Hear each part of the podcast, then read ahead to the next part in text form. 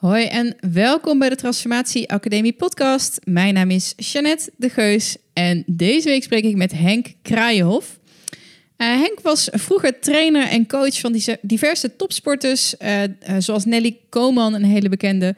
Maar ook de voetbalclub Juventus heeft hij gecoacht en spelers als Edgar Davids waren ooit onder zijn hoede. je zou dus verwachten dat we het over sport en zijn specialiteit misschien wel, het sprinten, zouden gaan hebben, maar niks van dat. Tegenwoordig is Henk niet alleen spreker in het bedrijfsleven, maar hij heeft ook een praktijk waar hij mensen begeleidt die last hebben van ja, stress en vermoeidheid. Nou, ik heb zelf een burn-out gehad. Uh, veel van mijn vrienden en oud-collega's uh, hebben ermee te maken gekregen. Iedereen is druk en iedereen heeft moeite met het vinden van de juiste balans. Dus ik vond het een erg relevant onderwerp. En ik heb het dan ook met Henk over burn-out, stress en vermoeidheid. Maar ook over andere dingen zoals het stellen van doelen. Wat Henk overigens maar een slecht idee vindt. Het gebruik van social media, het kijken naar het nieuws, je perceptie, maar ook dingen als slaap. Uh, Henk is een zeer uitgesproken persoon. Ik heb genoten van dit uh, gesprek. Ik vond het bijzonder leuk. En ik wens je dan ook heel veel luisterplezier. En ik zie je graag volgende week weer terug. Uh, by the way, vergeet je ook niet te abonneren op deze podcast in je podcast-app of op het YouTube-kanaal. Alright, ciao.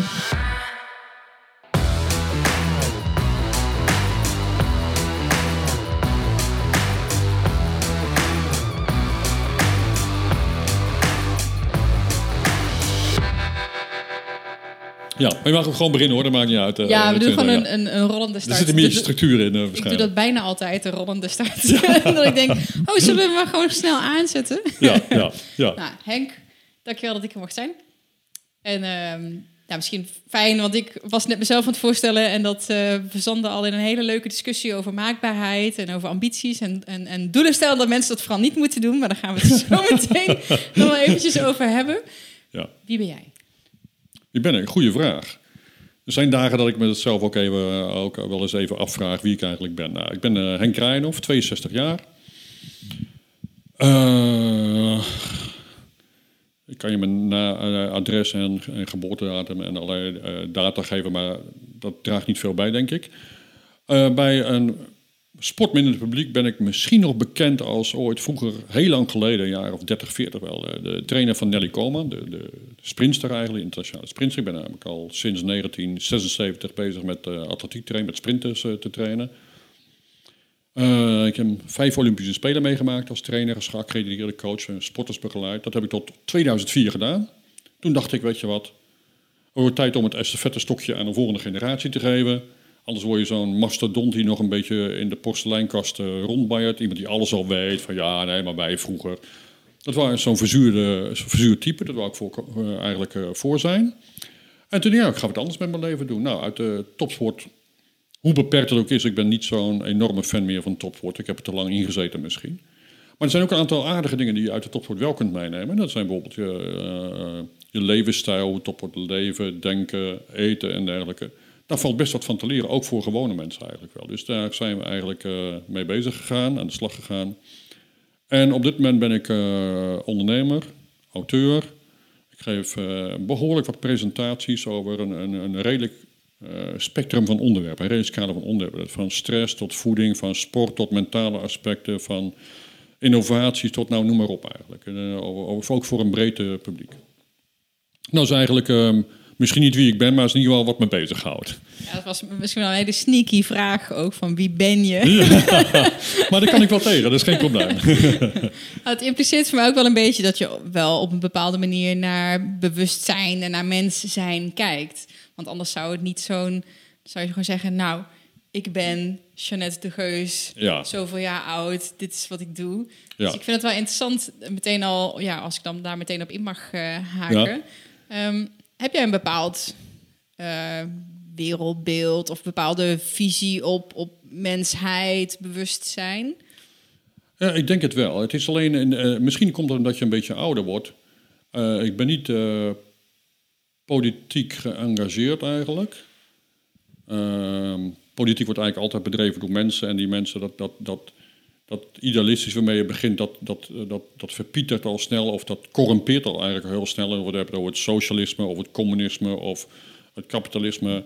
ergens komen steeds dezelfde mensen bovendrijven die andere mensen misbruiken voor hun eigen individuele doelstellingen. En eigenlijk dat grote idealen, uiteindelijk verwatert allemaal. Eigenlijk ben ik uh, nog, nog een anarchist ook. Uh, ik, geloof niet zo in leiders en leiderschap en de mensen die het beste met ons voor hebben. Dat was misschien vroeger een keer zo, maar als we om ons heen kijken, zien we eigenlijk dat dat, ja, dat hebben we uit de klauw laten lopen. Dit is niet meer zo.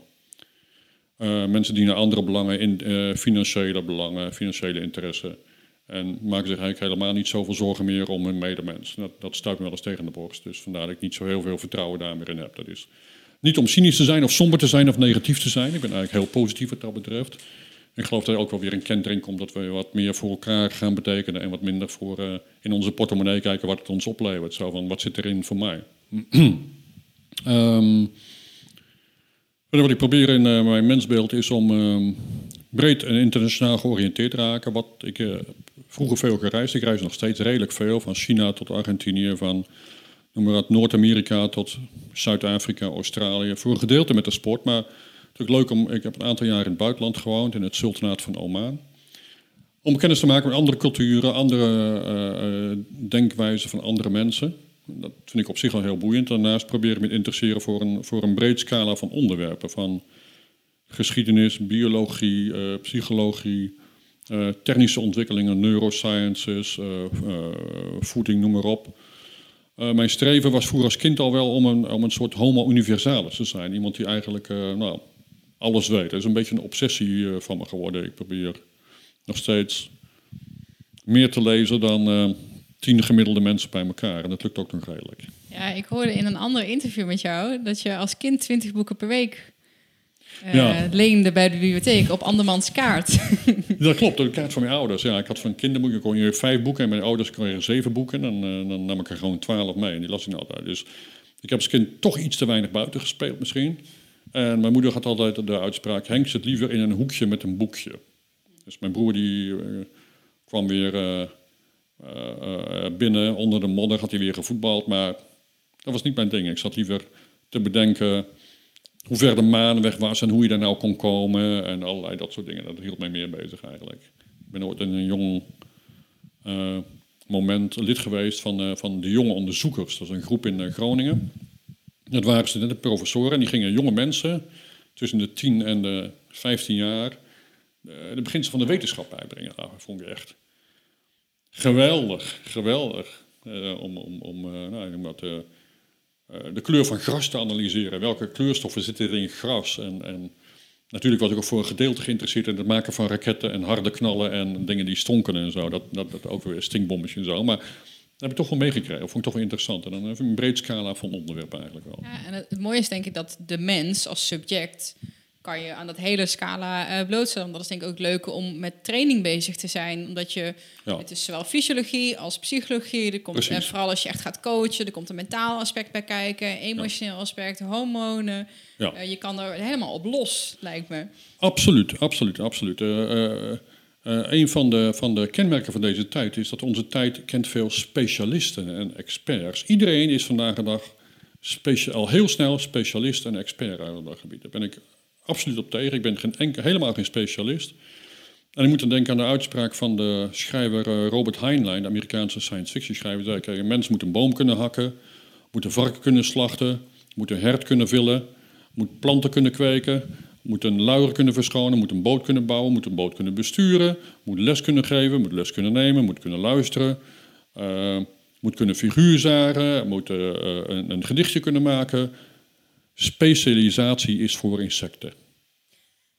Dat vond ik wel een mooie. Dus iedereen die heeft, ja, maar ik ben een, in de sport, ik ben een krachtspecialist. En dan laat ik even deze quote van Robert Heinlein lezen. Dat alleen insecten specialiseren zich tot één gebied waar ze heel goed in zijn. En de rest, dat kunnen ze niet denken aan bijen of denken aan mieren.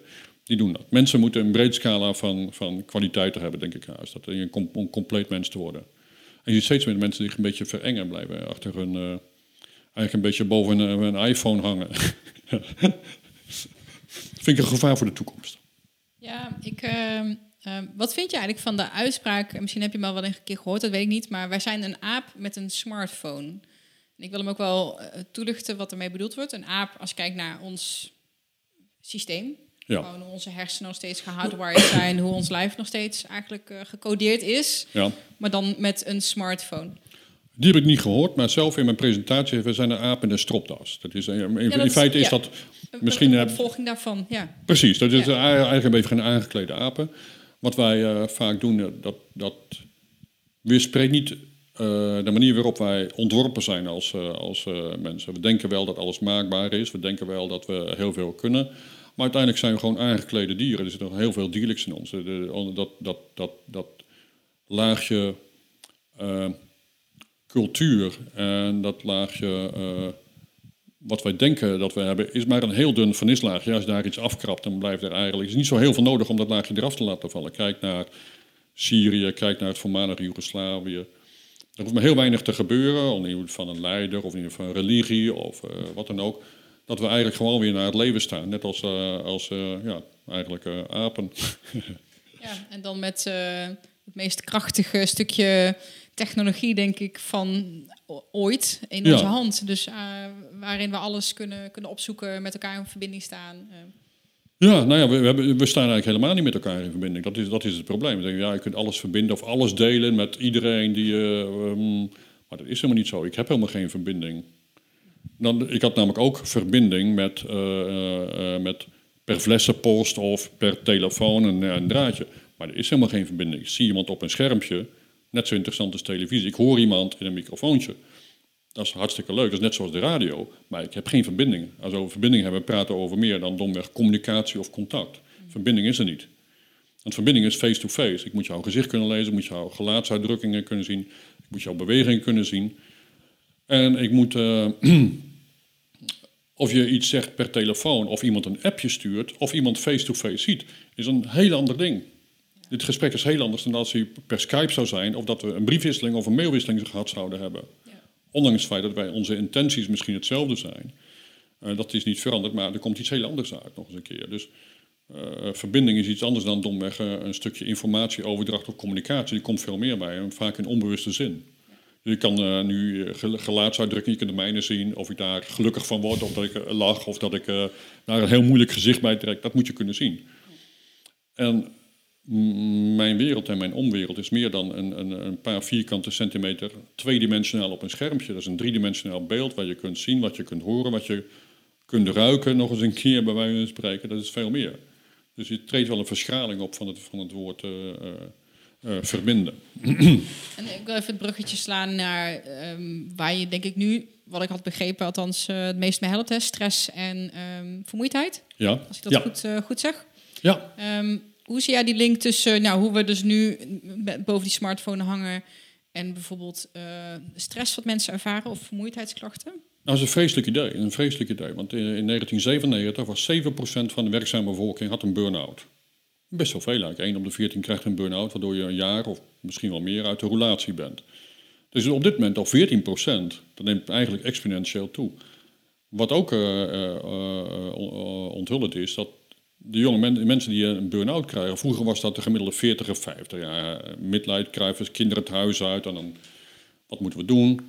Misschien ook hele drukke periodes in eh, het leven van, eh, van eh, mannen met name een keer op het werk. Hè. Je hebt alles al een keer gezien en gedaan en dan een nieuwe stap maken.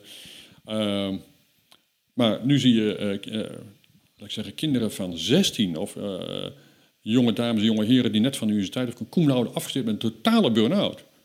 Dat is schrikbarend, moet ik zeggen. Dat is schrikbarend. Dat heeft maar één oorzaak, gewoon dat onze, onze hersenen, die best flexibel zijn en plastisch zijn en best veel informatie aan kunnen, toch nog kans zien om die te overladen met, met informatie die eigenlijk niet veel meer is dan ballast.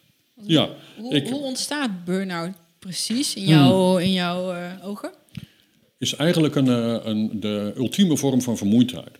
Vermoeidheid betekent eigenlijk, oké, vergelijk jezelf met een auto, je rijdt op de, op, de, op de snelweg en op een gegeven moment hoor je ping, ping, en dan zeg je, oei, is niet veel benzine meer. En dan rij je al een, beetje in op de reservetank, maar je rijdt nog steeds. En je rolt de benzinepomp eh, binnen en dan tank je bij en er is niks aan de hand. Burn-out is, aha, je staat langs de snelweg op de vluchtstrook met zo'n mooi vestje aan en een jerrycannetje aan de hand. Je auto rijdt geen millimeter meer, helemaal leeg. Dat is even het verschil tussen vermoeidheid en burn-out. Nou, hoe komt dat? Omdat je net als geld of wat dan ook meer uitgeeft dan je bijtankt. Meer benzine uitgeeft dan je bijgetankt hebt. Meer geld uitgeeft dan je binnenkrijgt. En meer energie uitgeeft dan je eigenlijk uh, bijtankt door te weinig te slapen. Omdat je met je iPhone in de hand uh, slaapt. Omdat je lang opblijft, omdat we kunstlicht hebben en toch nog een leuk programma op Netflix is. Waardoor je toch nog een uurtje langer blijft, uh, opblijft. Dus we slapen met z'n allen veel te weinig. Dat is al één, wij slapen gemiddeld al een uur minder dan onze, onze voorouders deden. Nou, dat, dat, lijkt niet veel, maar het is wel veel. Ja. Dus we slapen gemiddeld zo'n zeven uur in plaats van de acht uur die we, die we zo gemiddeld dan uh, nodig hebben. Dat heeft grote betekenis voor het, voor het herstel van onze hersenen. Niet alleen slapen we een uur minder, dat is op zich niet zo erg, maar een dag heeft geen, wordt geen 23 uur, hij blijft 24 uur. Dus je slaapt een uur minder en je werkt en bent dus wakker en je hersenen gebruiken meer zien een uur meer. Dus het mes snijdt aan twee kanten. Niet alleen het uurtje slaapt, maar je bent ook een uurtje langer wakker, waar je allemaal informatie opneemt en verwerkt.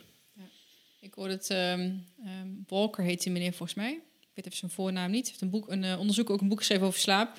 Ja. en dat was, nou, als je dat leest, ja. nou, dan, dan verandert je wereld. Volgens ja. mij was het 20, 20% uh, minder cognitief vermogen op het moment dat je een uur uh, korter slaapt. Absoluut. dat is ja. gigantisch. En dan je niet over testosteron wat afneemt, allerlei andere factoren die... Uh, ja, slaap, laten we zeggen, je, je slaapt 25 jaar van je leven, dus een derde van je als dat niet belangrijk zou zijn, dan zou dit in de evolutie al lang minder geworden zijn. Dan hadden we best twee uur kunnen slapen. Nee, je slaapt ben je domweg. A, je bent niet productief, je kunt niet eten, je kunt je niet verdedigen, je bent gewoon kwetsbaar in je slaap. Dus als dat, als dat, dat moet een hele belangrijke functie hebben, daarom verandert het eigenlijk niet. En daar gaan we toch aan zitten, zitten sleutelen met z'n allen.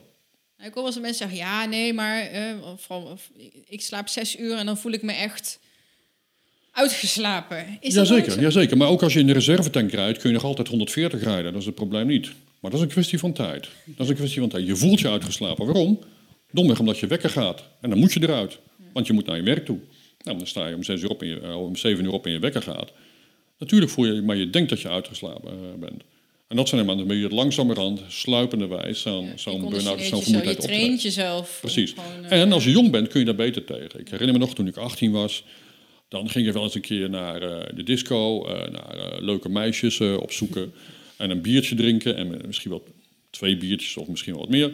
En dan kom je om vijf uur kom je thuis morgens, maar om acht uur zat je gewoon weer op de fiets naar school. En om negen uur zat je in de, of om half negen zat je in de schoolbanken met een flinke kater, maar je was er wel. Nu ben ik 62 en ik ga eigenlijk altijd om een uur of tien naar bed.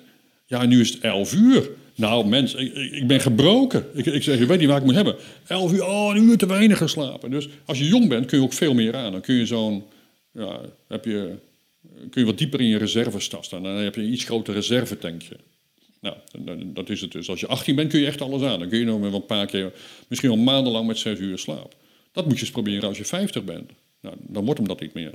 Waar zit die reservetank? Want ik zag in een uh, filmpje van jou dat je dat over de hersenen, het autonome zenuwstelsel ja. en uh, de rest dan. Ja, stresshormoonsysteem. Of het, ja, en de bijnieren bijvoorbeeld. Ja. Want hoe, wat, um, wat zou je iemand adviseren die zegt van, nou, volgens mij ben ik wel nu, zeg maar, heb ik te veel stress of ik voel me vermoeid. Want het, het, klinkt namelijk, nou, ik laat ik me anders formuleren. Nee, ik heb soms ook wel eens uh, mensen die coach en die dan uh, ook tegen vermoeidheid en uh, burn-out aanlopen. Ja. Het is niet genoeg om te zeggen, oh, nu ga ik eventjes een uurtje zitten. Of weet je, het, het, zo van waar, waar begin je met bijtanken? Lijkt het soms wel. Nou, eigenlijk ben je continu aan het bijtanken. En dat wordt dan verstoord door een snippertjes werk of belasting die je moet doen. Maar vandaag de dag zijn we alleen maar bezig met uitgeven, uitgeven en belasten. En dan, ja, dan moet je ook nog slapen. Wat lastig is dat nou? Want ik had eigenlijk ook nog iets leuks op Netflix willen zien, op mijn Facebook bijwerken. Wat lastig is dat toch nog slapen. Dus het, het, het, wordt eigenlijk omgedraaid. Vergeet ook niet, een andere kenmerk is dat wij in de eerste keer, gezien uh, bestaan van, van de mensheid, dat eigenlijk, oké, ik wil een, een kokosnoot splijten, dan neem ik een stuk rots. Doe niet meer bloot aan een rots. Ik gebruik een werktuig, ik gebruik eigenlijk technologie. Ik wil het het niet achteraan lopen, nee, ik wil het eigenlijk neerschieten met een pijl en boog. Dat is technologie. Dat gaat dan door tot aan de stoommachine, dat gaat door tot aan elektriciteit, dat gaat door tot aan... Maar tot aan dit moment, dit de, uh, decennium, was eigenlijk... Um, de technologie was een slaaf van de mens. Maar wij zijn de slaaf van de technologie geworden. Want dat piepje gaat en ik ga kijken, oh verrek, ik had een berichtje. Dus wij zijn op dit moment, eh, er is ook niemand meer zonder, zonder, zonder eh, smartphone. Eh, je telt eigenlijk ook al helemaal niet meer mee als je geen internetverbinding hebt. Dan ben je gewoon een, een soort paria geworden, een, een, een outlier geworden. Je moet gewoon, want je moet gewoon een bankrekening hebben. Je kunt vandaag de dag niet meer met cash geld aankomen. Dus je wordt gedwongen om slaaf te zijn van de technologie. dat worden we keurig netjes. Wij luisteren naar de technologie. Die technologie bepaalt eigenlijk wat jij gaat kopen. Want dat is het berichtje wat jij krijgt als jij op Facebook zit. Dan komt er een keer zo'n reclametje binnenvliegen van... Uh, nou ja, wat jij uh, een week geleden uh, hebt opgezocht op het internet. Denk je niet dat daar een soort van zelfregulerend mechanisme ook komt? Of, of al is het van buitenaf, dat, dat, nou, dat gaat worden gelegd? Ja, is meer gebaseerd op hoop dan op realiteit. Je ziet het eigenlijk steeds erger worden tot nu toe. Dus we hebben nog de bubbel niet bereikt dat die gaat barsten. Ja, precies. Want ik merk, als ik naar mezelf kijk, op mijn vriendenkring... Um, nou, ik kijk geen televisie. Ik uh, heb geen notificaties aanstaan op mijn telefoon. Omdat je al bewust bent van die eerste dingetjes. Van hé, hey, ik, ik wil zelf bepalen wanneer ik mijn mail check. Ja. en niet dat, dat die telefoon bepaalt wanneer ik hem oppak. Ja, er ontstaat wel een zeker bewustzijn dat dat, dat, dat minder goed is. Uh, maar met name jonge generaties, die weet niet anders meer. Wij kunnen het ding nog uitzetten. Zijn er mee dat, ah, dat ze dat hè, een leven zonder smartphone is onmogelijk. Nou moet ik zeggen, het lijkt me ook verdomd onhandig. Want je, ja, wat natuurlijk heel raar is, want je kan prima zonder. Natuurlijk, je kunt prima zonder. Alleen steeds minder mensen denken dat je zonder kunt. Je hebt sociale digitale detox uh, uh, weken. Dat je leert om weer zonder te kunnen, omdat we denken dat we niet zonder kunnen. Maar niemand zal je ook vertellen, behalve je ouders misschien. Zet dat ding nou eens uit. Blijf er nou ook eens een keer vanaf. Want je baas doet dat niet, je, je vrienden doen dat niet. Zeg, hé, hey, ik heb je al een week uh, niet op Facebook gezien. hey, ik heb je net een WhatsAppje gestuurd. Dus je wordt eigenlijk wel gedwongen uh, door je omgeving om daar, om daar aan mee te doen. Nou, het is best wel lastig. Een vriend van mij, die, ik vind het dat hij dat heel mooi zegt. Hij zegt, ik heb met niemand een SLA. Ja. ja. Ik heb met niemand een service, service level agreement. Zo van, als ik een appje krijg... Ja. Ik heb met jou geen contract ondertekend dat ik dat binnen vijf minuten binnen, vijf binnen minuten een dag. Ja, precies. Um, maar mensen gaan daar wel van uit. Dus het is ook een soort van elkaar een beetje opvoeden. Ja. Um, van, hey joh, als je vroeger, weet je wel, stuurde een brief en dan kwam er een week later kwam er een keer een reactie. Natuurlijk, we niet daar naartoe terug. Maar dat hele, die aannames, en dan vooral ook het spel wat er achteraan gebeurt. ik doe de aanname dat jij meteen antwoordt. Ja. Of ik verwacht dat jij meteen antwoordt. En als je dat niet binnen vijf minuten doet, ga ik aannames doen waarom je dat niet doet. En dan afhankelijk van een type persoon zal de ene boos worden, de ander verdrietig. hij wil me niet antwoorden. En dan gaan ze kijken of je wel online bent. Nou, ik zie dat hij online is, maar hij antwoordt niet. Dat is een heel gecompliceerd, maar onnodig vervelend spel, als je het mij vraagt. Absoluut. En allemaal dankzij het feit dat het, mo dat het kan. Ja. Dat het, dat, dat het technisch mogelijk is om dat te doen. Want alles wat technisch mogelijk is, is in de praktijk ook gebeurd. Dus nu het technisch mogelijk is om iets te doen, dan kun je er uh, wel gif op innemen dat in de toekomst ook zal gebeuren. Alle goede dingen, maar ook alle slechte dingen. We konden een atoombom bouwen. Nou, hij is ook gegooid. We kunnen technisch-chemisch kunnen we gifgas maken. Ja, het is ook gebruikt. Dus alle dingen die technisch mogelijk zijn, worden op den duur ook domweg gebruikt. Er blijkt dus niet zoveel rem te zijn. Er blijkt dus niet zoveel opvoeding te zijn. Anders zouden we elkaar wel beter opvoeden daartoe. En dan blijkt het maar heel beperkt te werken te hebben. Die zelfregulatie. Waar zie je zelfregulatie uh, optreden? Nou, eigenlijk nergens, want dat is wat we niet willen. We willen die dingen zichzelf reguleren. Wij willen dingen reguleren. Ik wil niet dat ik mijn app... Niemand wil dat jij uh, jouw telefoon uitzet. Nee, nee, ze willen graag dat jij je telefoon continu aan laat staan. Niemand wil dat jij kunt aanvinken uh, of jij reclameboodschappen wil hebben of niet. Uh, dat kan wel, maar dan moet je eerst al die dingen gaan doorlezen en allemaal weer afvinken dat het zo complex is dat je daar al niet eens aan begint. Dus krijg je die boodschap. Niemand, eh, de economie is er niet mee gediend. Alles staat, de homo economicus is geboren. En die staat, alles staat ten dienste van, eh, van, van je, bent, je moet productief zijn, efficiënt zijn, effectief zijn, iets nuttigs doen, iets zinvols doen met je leven. Dus je moet produceren en je moet consumeren. Nou, zonder dat is dat natuurlijk de doodskap voor, voor de huidige economie. En dat vind ik eigenlijk wel bezwaarlijk, moet ik zeggen. Dat alles afgewogen wordt in het licht van, van je economische waarde. Dat alles in dienst staat van domweg geld verdienen. En ik verdien geld, uh, absoluut, uh, dat is geen probleem. Maar het, het, mag niet zijn dat het het, belangrijkste mag het ook nog zijn, maar het mag niet zijn dat het het enige is. Dat is mijn bezwaar een beetje. Ja, daar kan ik ook wel mee, uh, mee inkomen. Gelukkig. Ja. tenminste, één, ja. tenminste één volger vandaag. Van, nou, dan stoppen we nu het interview. Eén ja. volger gescoord vandaag. ja. Ik, ik, ik, zou me afvragen, want je zei in het begin van hè, een uh, homo universalis. Ja. Ehm, nou, burn-out, stress, vermoeidheid, dat is wel iets wat je, wat je enorm interesseert. Waar, waar komt dat vandaan? Ehm, eigenlijk onze kwetsbaarheid, onze, onze diepe... We zijn eigenlijk hele kwetsbare hoopjes protoplasma ook nog eens een keer. Die, die veel kwetsbaarder zijn dan we over het algemeen eh, eh, aannemen. We worden eigenlijk geregeerd door angst. Eigenlijk in een omgeving die misschien wel iets te, bijna iets te liefdeloos is. Daar we ons vastklampen aan, aan, aan, dingen die we doen. Omdat we durven geen nee te zeggen. Want als ik nee zeg, vinden mensen mij niet aardig meer. Dus de pleasers, mensen willen, willen pleasen, willen graag dat iedereen gelukkig is, dat iedereen dat naar zijn zin heeft. De terreur van de happiness beweging. Want alles moet happy zijn, happy de peppy. En alles moet gezond en vitaal zijn en door de gang lopen met een glas mineraalwater. En eh, je kent die boodschappen wel waar blozende, vriendelijke mensen met kinderen juichen door de... Door de door, Is, ja. Gaat het leven niet zo dan? Sorry? Gaat het leven echt niet zo? Sta ik in de verkeerde rij? Verdorie. Welkom bij de club. dat is alleen, dat, weet je wel, vroeger had je de World of Martini, waar mensen martini dronken op, een, op zo'n grote zeiljacht en de zon onderging aan, aan, Ja, aan, de, ja. aan, aan in Saint-Tropez. Ja, ja, ja, zo moest je leven. Je bent eh, aangepraat dat je leven er zo uit moet zien. Nou, wie zijn leven ziet er nou zo uit? Ik ken er maar weinig wie leven er zo uitziet. En degenen die leven er wel zo uitzien, die wel dit zeewaardig jacht hebben, ja, die komen dan hier op bezoek nog eens een keer. Omdat ze toch last hebben van stress en van depressies en angststoornissen. En niet helemaal happy zijn met hun leven. Dat is dan wel het interessante nog eens een keer. Is dat, is dat niet ook wel een beetje een spanningsveld? Want ehm, stress hoort ook bij het leven, denk ik. Hè? En, en ook de- de mate mindere van spanning en ook- opwinding, horen ja, ook bij ja, het ja. leven. Ja. Stress is ook positief, feitelijk. Kortsol het ook gewoon Nou, dingen. Maar een, een overschot en er niet uit kunnen schakelen van... zorgt weer dan voor negatieve dingen, lijkt me. Dus aan de ene kant wil je wel die spanning... Het, we willen het niet helemaal wegduwen, lijkt me, toch? Nou, het is pas, het, het is pas eh, als het tegen je gaat werken, dan is het een probleem. Als het in de weg gaat zitten, als stress in de weg gaat zitten. We kunnen ook, eh, geen, eh, we kunnen ook niet echt goed, eh, goed inschatten. De ene is al bang op een keuken, keukentrapje te gaan staan, de ander gaat bungee jumpen wel zoals eh, hobby. Dus wat is nou een stressor? Is dat nou hoogte en stress? Nou, voor de een wel, voor de ander eigenlijk niet.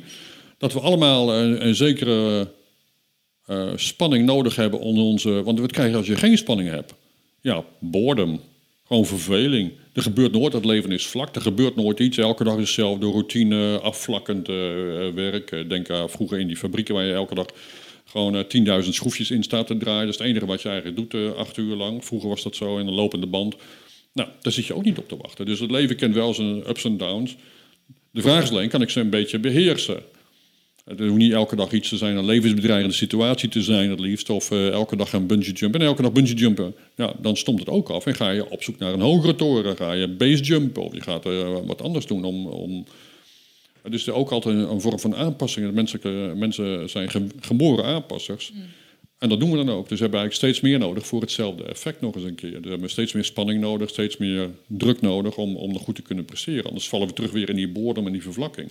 Iets wat in het begin opwindend is, is na een aantal keren is dat gewoon gewoonte geworden. Normaal, ja. Ja. Dus daar zit dan een zeker risico in. Een risico, risico is, schat, is sowieso niet een heel sterk punt eh, van, eh, van eh, mensen. Wij schatten de risico's eigenlijk altijd totaal verkeerd in. Totaal verkeerd. Hoe, hoe bedoel je dat? Nou, alle, alle risico's voor gezondheid of voor risico's om eraan te overlijden. Dan gokken we altijd op de verkeerde paden. We denken bijvoorbeeld dat het, dat het ik noem wat. De kans in Nederland om eh, eh, gedood te worden door een terrorist is eh, vele malen kleiner dan de kans om gedood te worden door jezelf. Oké. Ja, er sterven minder mensen Suïcide is een veel door- ja, grotere ja, doodsoorzaak ja, dan terrorisme. Toch worden er miljoenen besteed, misschien wel miljarden besteed aan het bestrijden van terrorisme. Hoewel er in Nederland de afgelopen, ja in de 70 jaren, terrorisme in de 70 jaren, Rode Armee-fractie, Palestijnen, vliegtuigen opblazen, eh, pum pum pum, eh treinkaping, noem maar op. Mm, Ja, dan is het nu eigenlijk heel erg rustig geworden. Dus dan weer weet nog Pim Fortuyn en Theo van Gogh. Oké, maar dan hebben we het eigenlijk wel eens een beetje gehad. En je wil niet weten hoe lang ik eh, op Schiphol in de rij moet staan... om eh, gewoon eh, mijn schoenen uit te doen en mijn veters los te maken... en mijn riem eruit te doen. Maar het is allemaal perceptie. Dat is allemaal perceptie. Denk aan de misdaadcijfers die eigenlijk aangeven dat Nederland uh, veiliger is dan ooit tevoren. Nou, onze perceptie is niet zo. Dus onze perceptie wordt continu gekleurd of gevoed door... door ja. Ik moet zeggen, dat is, dat is een van de redenen. Uh, dit, dit soort mechanismen, ook, ik weet ook wel wat van hoe ons uh, brein werkt. Mm Dat ik bijvoorbeeld geen televisie kijk. Of niet, geen kranten, ja, nee, ook geen kranten lees. Ja. Um, goed nieuws is niet spannend. Absoluut. we worden continu gevoed met overal gevaar. Hè. Het gaat om een stukje perceptie dan inderdaad. Ja, um, en ik, ik, ik, ik, wil mijn brein daar niet mee triggeren. Ja. Continu voeden van, oh, dat de, de buitenwereld uh, gelijk staat aan gevaar. Want dat is een beetje mensen die ook op eh, Facebook allerlei berichtjes voorbij zien komen. En op het journaal. Overal kommer en, uh, kommer en uh, ellende en kwel en alles is weet je wel, uh, terrorisme en, en dit en dat. En uh, we hebben, ja. wat hebben we toch slecht met z'n allen? Ja, precies. Dat is gewoon perceptie. Dat is helemaal niet Ja, maar dus, dat is voor mij ook een reden om nu, daar niet meer naar te kijken. Denk nu rijdt er een of andere halve garen rijdt met zijn autootje tegen, tegen de telegraaf aan. Nou, niks aan de hand, een beetje blikschade. Ja, dat is een terroristische aanslag van de eerste orde. Twee seconden later heb ik al de foto's, de filmpjes, heb ik het al op mijn bord. Dan denk ik, joh, rot gauw op ermee. Kom op. Ik bedoel, uh, binnen dat uur zijn er misschien wel tien aanrijdingen geweest. Uh, op de A2 staat er file aanrijdingen geweest. Dingen, niet intentioneel. Het is vaak de intentie die het, die het, die het, die het bedreigend maakt. Ja. Een ongeluk is per ongeluk, maar dit is iemand die echt tegen zijn pauw aanrijdt. Maar verder is er eigenlijk niks aan de hand op een aanslag en terroristen en wie erachter zit. Nou, als dat de gemiddelde terrorist is, Wees welkom. Want zo efficiënt was het ook weer niet. Uh, dat, uh, dat, heeft eigenlijk niemand kwaad gedaan. Dus dat is een echte mislukte terrorist, mag je dan wel zeggen. Of een mislukte aanslag uh, geweest. Ik bedoel, behalve een beetje angst aanjagen aan de mensen die daar echt gevoelig voor zijn, heeft het eigenlijk niet echt veel gedaan. Meer eerder lachwekkend. een Laurel en Hardy filmpje dan, dan iets anders, moet ik zeggen.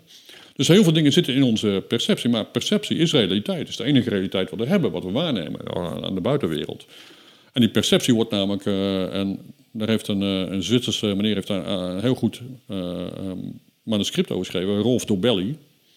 Over, over avoid the news. Dat vond ik prachtig, avoid the news. Want het nieuws is, er is veel, veel nieuws. Het is ook altijd hetzelfde. Vandaag heeft een zelfmoordterrorist zich opgeblazen. Wauw, dat is nieuws. Ik hoor al jarenlang niets anders dan dat. er is een, een boot gezonken met vluchtelingen. Tja, Net als gisteren en eergisteren en vorige week. Je krijgt ook een vorm van afstomping daarvan. Dat is een van de dingen van nieuws. Het nieuws is gefabriceerd door mensen wat zij belangrijk vinden op dat moment. En gemanipuleerd hmm. in een bepaalde richting. Dus het, hey, avoid the news. Kijk er niet zoveel nieuws. Nee, ga op een nieuwsdieet nog eens een keer. Want het is eigenlijk allemaal ellende. If it bleeds, it leads. Zelden iets positiefs, want dat, dat, dat is eigenlijk niet zo interessant. Ja, en daarmee worden wel onze hersenen eigenlijk uh, geprogrammeerd. Kinderen spelen niet meer buiten. Op elke straathoek uh, is iemand die het op je kinderen voorzien heeft. Ja, met gewoon kinderen binnen gaan zitten spelen, dat ze een dingetje in de hand hebben. Te weinig bewegen, overgewicht, diabetes, uh, nou noem maar op, allerlei problemen. Wat voor, wat voor soort mensen komen, komen hier eigenlijk? Want we zitten, we zitten in, je, in je praktijk. Ja. Er zit een, uh, een bedje achter mij. En ik zag, uh, toen binnenkwam, uh, was het koffertje nog uitgepakt met een hoop ja. elektroden. Ja. En Wat, hoe, hoe pak jij dat aan als mensen hier komen met stress en vermoeidheid? ja, ik was eigenlijk helemaal niet van plan om dit te gaan doen. Maar in, één keer kwamen veel mensen, mijn sporters, dat zijn, stress of vermoeidheid zijn de vaste metgezellen van elke sporter. Ja, dat is eigenlijk ook een beetje. Dus ja. fysiek is logisch, omdat ze hun lichaam gebruiken om te trainen, word je moe van. En eigenlijk de stressor, dat ben ik dan eigenlijk wel als coach. Ik ben de voornaamste stressfactor eigenlijk wel. uh, ja. ja, dat zou ik niet zeggen. En um, uh, dus wou ik dat eigenlijk in kaart brengen. En dat is eigenlijk een beetje uit de andere mensen zeiden ook. Uh, mensen die bij de politie en arrestatieteams en eenheden van defensie, dus speciale eenheden. Ja, Henk, maar wat wij doen is natuurlijk ook heel vermoeiend en heel stressvol. De mensen moeten dag en nacht paraat zijn. Hebben een piepertje, als pieper afgaat, spring in de auto, moet je iemand arresteren of, of erger. Ehm, kun je ons ook meten? Ja, oké. En daarna kwamen ook eigenlijk al heel snel gewone mensen die ook last hebben van stress en vermoeidheid en uh, burn-out. En um, ja, eigenlijk komt iedereen hier, laat ik het zo zeggen. Wat, wat, wat meet je dan precies? Hoe, hoe, hoe want ja. ja. Hoe, werkt dat? Ah, Oké, oké. Nou, eigenlijk, is dat niet, niet zo heel moeilijk te, eh, te begrijpen. Om het simpel te zeggen, je hebt een aantal systemen die betrokken zijn bij stress. Je hersenen, die stress waarnemen en eh, eh, die dat ook verwerken. Ik noem wat, hier is een klein straatje en ik zie auto's komen langs. Er steekt iemand over en eh, oeh, die wordt overreden. Nou, dan is er veel stress. Maar ben ik nou blind, dan is er niks aan de hand, want ik zie het gewoon niet. Dus mijn, mijn zintuigen nemen waar of er een bedreiging is of een stressor is. Ben ik doof en blind, dan heb ik veel minder stress, want ik hoor of zien hoor dat er iets ernstigs aan de hand is nog eens een keer. Nou, dat gebeurt in ons centrale zenuwstelsel. Eigenlijk is dat een batterij van accu. En dat is gewoon een accu, kun je meten hoeveel stroom daarin zit. Heb je te veel stroom, heb je kortsluiting, epilepsie. Dan vuren alle neuronen tegelijkertijd. Dat is niet goed. Ehm, heb je te weinig stroom, als je heel veel in je hoofd hebt, en dat gebeurt vandaag de dag veel. Als je heel veel balletjes in de lucht moet houden, als je veel aan je hoofd hebt, nou, op een gegeven moment loopt die accu of die batterij loopt leeg. En dan kun je gewoon keurig netjes meten met een plakkertje op je duim en een plakkertje op je voorhoofd. Dan hebben we een tweede stresssysteem, dat is het echte stresssysteem, dat is het autonome zenuwstelsel. Nou, dat bepaalt alle vitale functies. Stel je voor, we zitten hier nu en er zijn eh, eh, een paar qua jongens en die gooien even een steen tegen de raam. Boem, oké.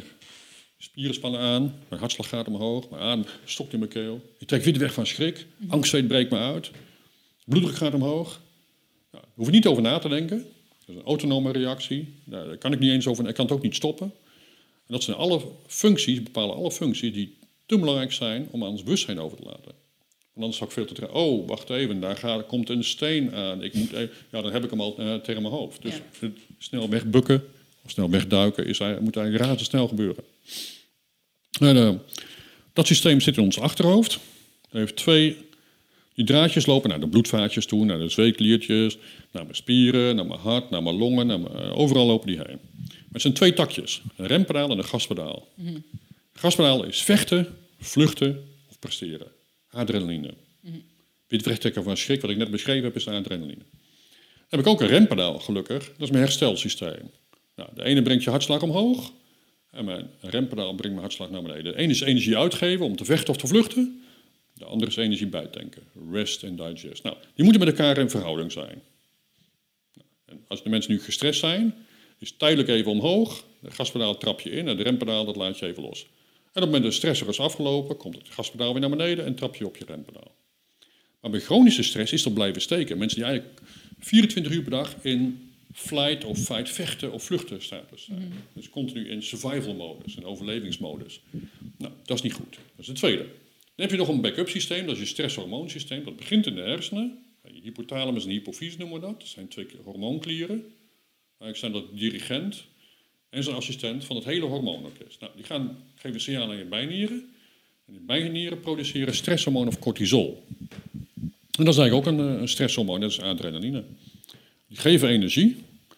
En eh, ja, als je heel lang onder druk staat, maanden, en dan heb ik het niet over seconden of minuten, heb eigenlijk over maanden en jaren, dan ga je eerst meer cortisol maken. Die bijnieren gaan ook groeien om te proberen meer cortisol te produceren. Op een gegeven moment zijn de grenzen aan de groei.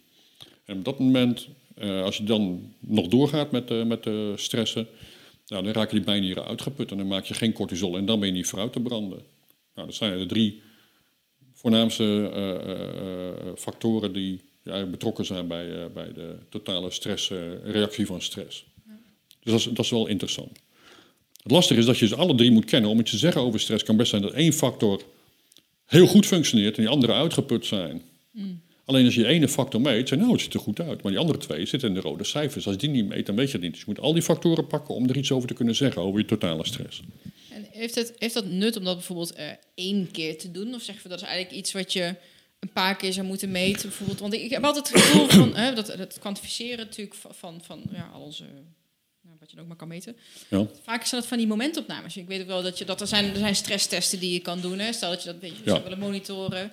Ja. Ja. maar ja, als ik net even zwaar heb getraind of een moeilijk telefoongesprek heb gehad, van hoeveel zegt dat dan, zo'n momentopname? Of is het iets wat ik echt Ja. gewoon gedurende de tijd zou moeten willen monitoren, bijvoorbeeld? Ja, nou, hele goede vraag. Eh, Een, een, een veel gestelde vraag is het momentopname. Nummer één, alle testen zijn momentopnames.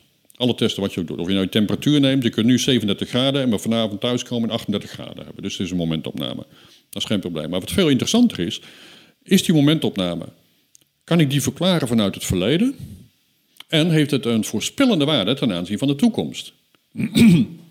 dus ehm, Laat zeggen, je ligt hier en ik zou dat systeem meten en ik meet dat je heel veel adrenaline hebt. Maar wacht even, hier is geen bedreiging aanwezig, hier is helemaal niks aan. Dan weet je dat het chronisch is. Dan was het gisteren zo, is het morgen nog zo. Want er is geen enkele reden om zonder stress hier zo te, eh, toch veel adrenaline te maken, dan is het chronisch. Als je hier nu ligt en je adrenalinegehalte is normaal en het systeem functioneert normaal, ja, dan kan het best zijn dat jij zometeen in je auto toe loopt en uh, ruzie krijgt met een parkeerwagen net een bonnetje erop heeft geschroefd en uit, uit je bol gaat en helemaal uh, door het dolle heen, dat je schuim op je mond staat. Nou, dan, maak je wel adrenaline, dan ben je wel gestrest, hè? vechten of vluchten. En zo te horen is dat vluchten. uh, voor de parkeerwachten.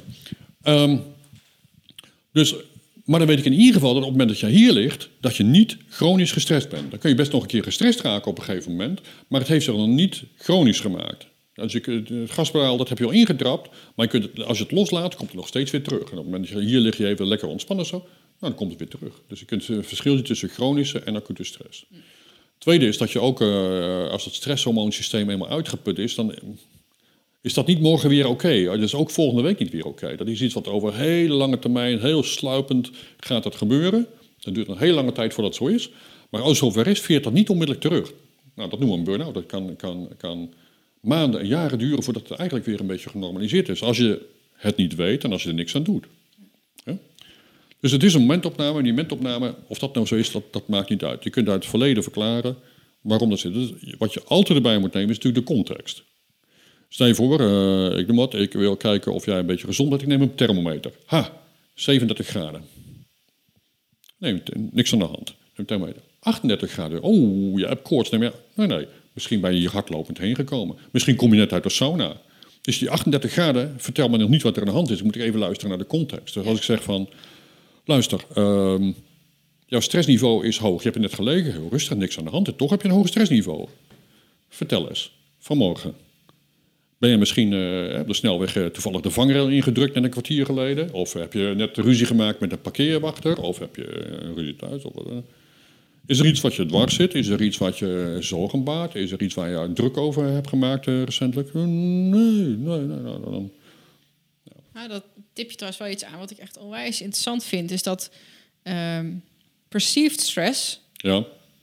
onze gedachten, ja. zijn even grote stressor, is mij geleerd, dan uh, die, die, die steen die je misschien op je hoofd krijgt, die je aan ziet komen. Gewoon Ja. het, het denken aan, oh jee, zometeen, oh, zometeen gooit iemand de steen. Zometeen gooit iemand de steen. Zometeen, maar ook, oh jee, ik ben niet goed genoeg. Of oh jee, ik ben te dik. Of ik, eh, ik heb niet genoeg geld. Of ik, eh, Ja.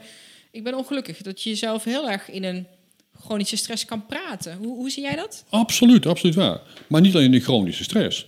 Want kijk nu eens, als jij inderdaad zou hebben over dat de media die ellende over je bord uitstort. Niet alleen maar ook je chronische gevoel van machteloosheid. Als ik daar een dood jongetje eh, op het strand zie liggen wat aangespoeld is.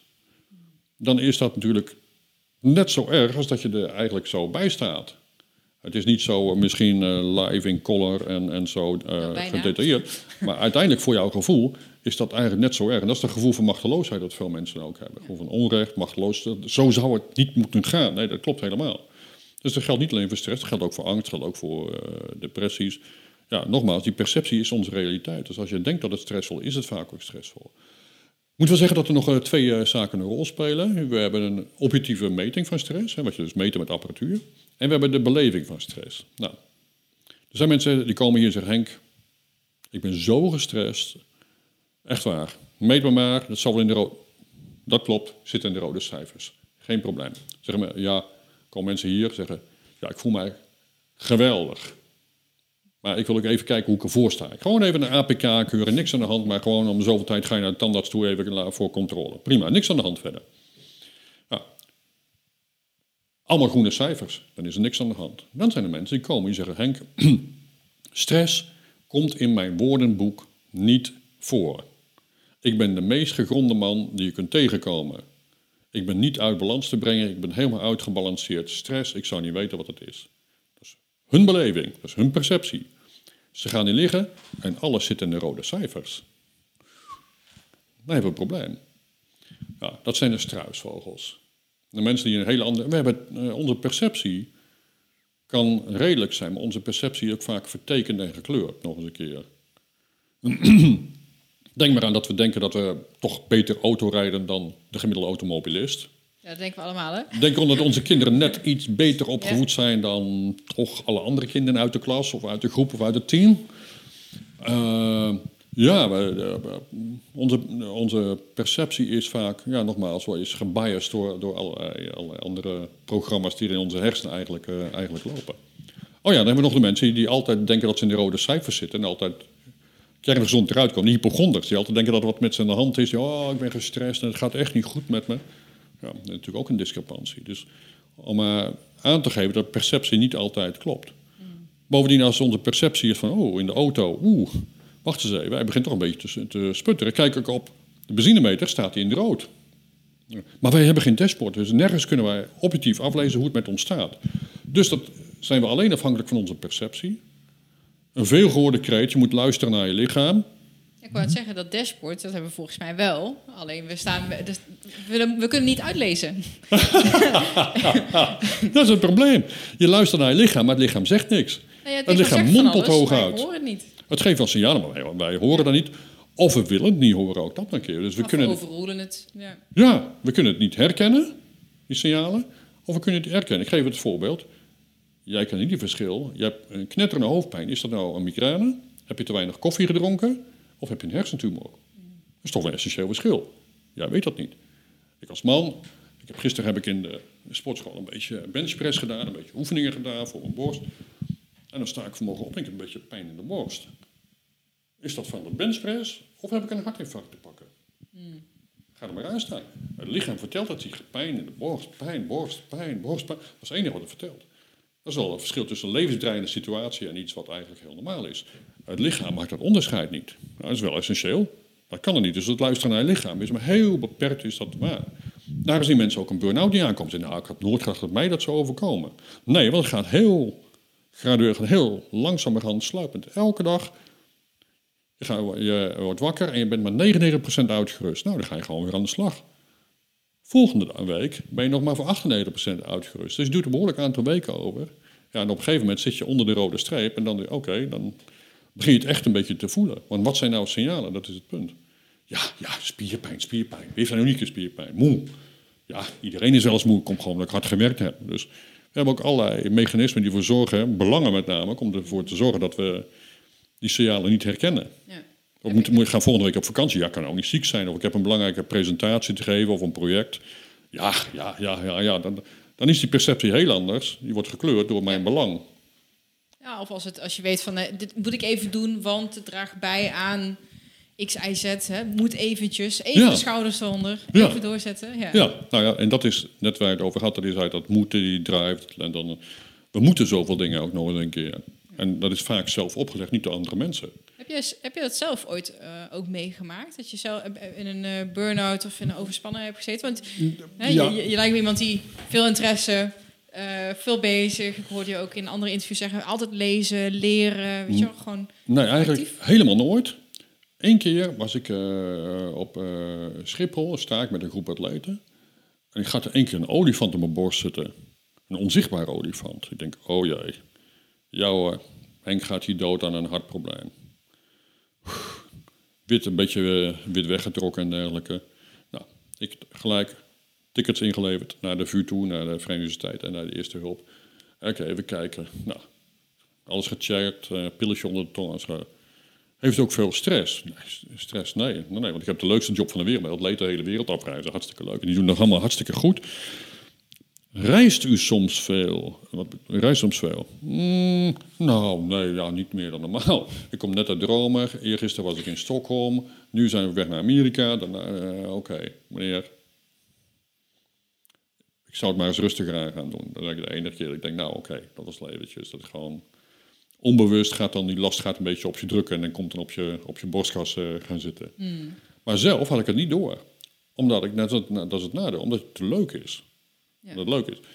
Dus er zijn veel meer mensen die burn-out raken van werk wat ze heel erg leuk vinden, een hele hebben en, en houden, een hele ziel in dat werk storten. Die hebben veel meer de kans om burn-out te raken dan degene die met zo'n gezicht op zijn werk zit eigenlijk. Waarom? Die met zo'n gezicht op zijn werk zit, zegt dinsdagmiddag om vier uur, nou, nog eventjes uh, een vakantiebestemming uh, wat nader bekijken. Of nog even een spelletje spelen. Ik had een tijd terug een meisje in de podcast die uh, fietste de hele wereld over. Ja. Nou, voor heel veel mensen dat de ultieme vrijheid. Ze doet precies waar ze zelf zin in heeft. Ja, Ook een burn-out gekregen, ook hartstikke jong. En zegt maar, het gaat om energieuitgifte. eh, Mijn energieuitgifte was gewoon te hoog, zo zei ze het zelf ook. Dat is best wel gek voor mensen. Zo van ja, maar je hebt niet al die verplichtingen die ik heb. Je hebt alle vrijheid eh, van de wereld. En dit, eh, toch een verplichting aan jezelf. Dat is ook een ja, verplichting. al ambitieus, gewoon gedreven, gewoon eh, veel willen zien. Ja, nou ja, dat, dat is veel. Mensen moeten veel, omdat ze ook veel kansen hebben. Mensen zijn ook opgegroeid met kansen, weet je wat. Ja, toen ik jong was, dat is al een hele lange tijd geleden. En mensen denken altijd van, ja, dan gaat hij zeggen dat alles vroeger veel beter was. nou, vroeger was alles helemaal niet veel beter. Dat was allemaal veel slechter eigenlijk nog. Dus dat is helemaal niet zo. Maar ja, je ging niet met het vliegtuig naar Spanje en je ging niet op schoolreisje naar Berlijn of naar Praag toe. Dan was avifauna was al heel wat. Of dat je naar de di- di- dierentuin ging met z'n allen. Of je ging met alle een boottochtje maken op 10 kilometer afstand.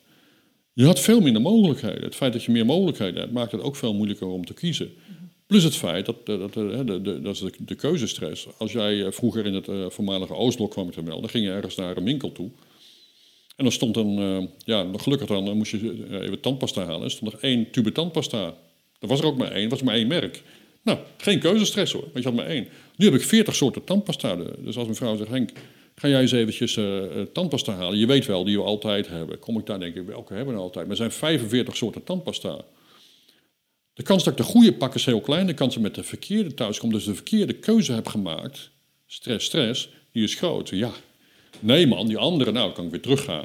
En ik heb geld uitgegeven voor niks.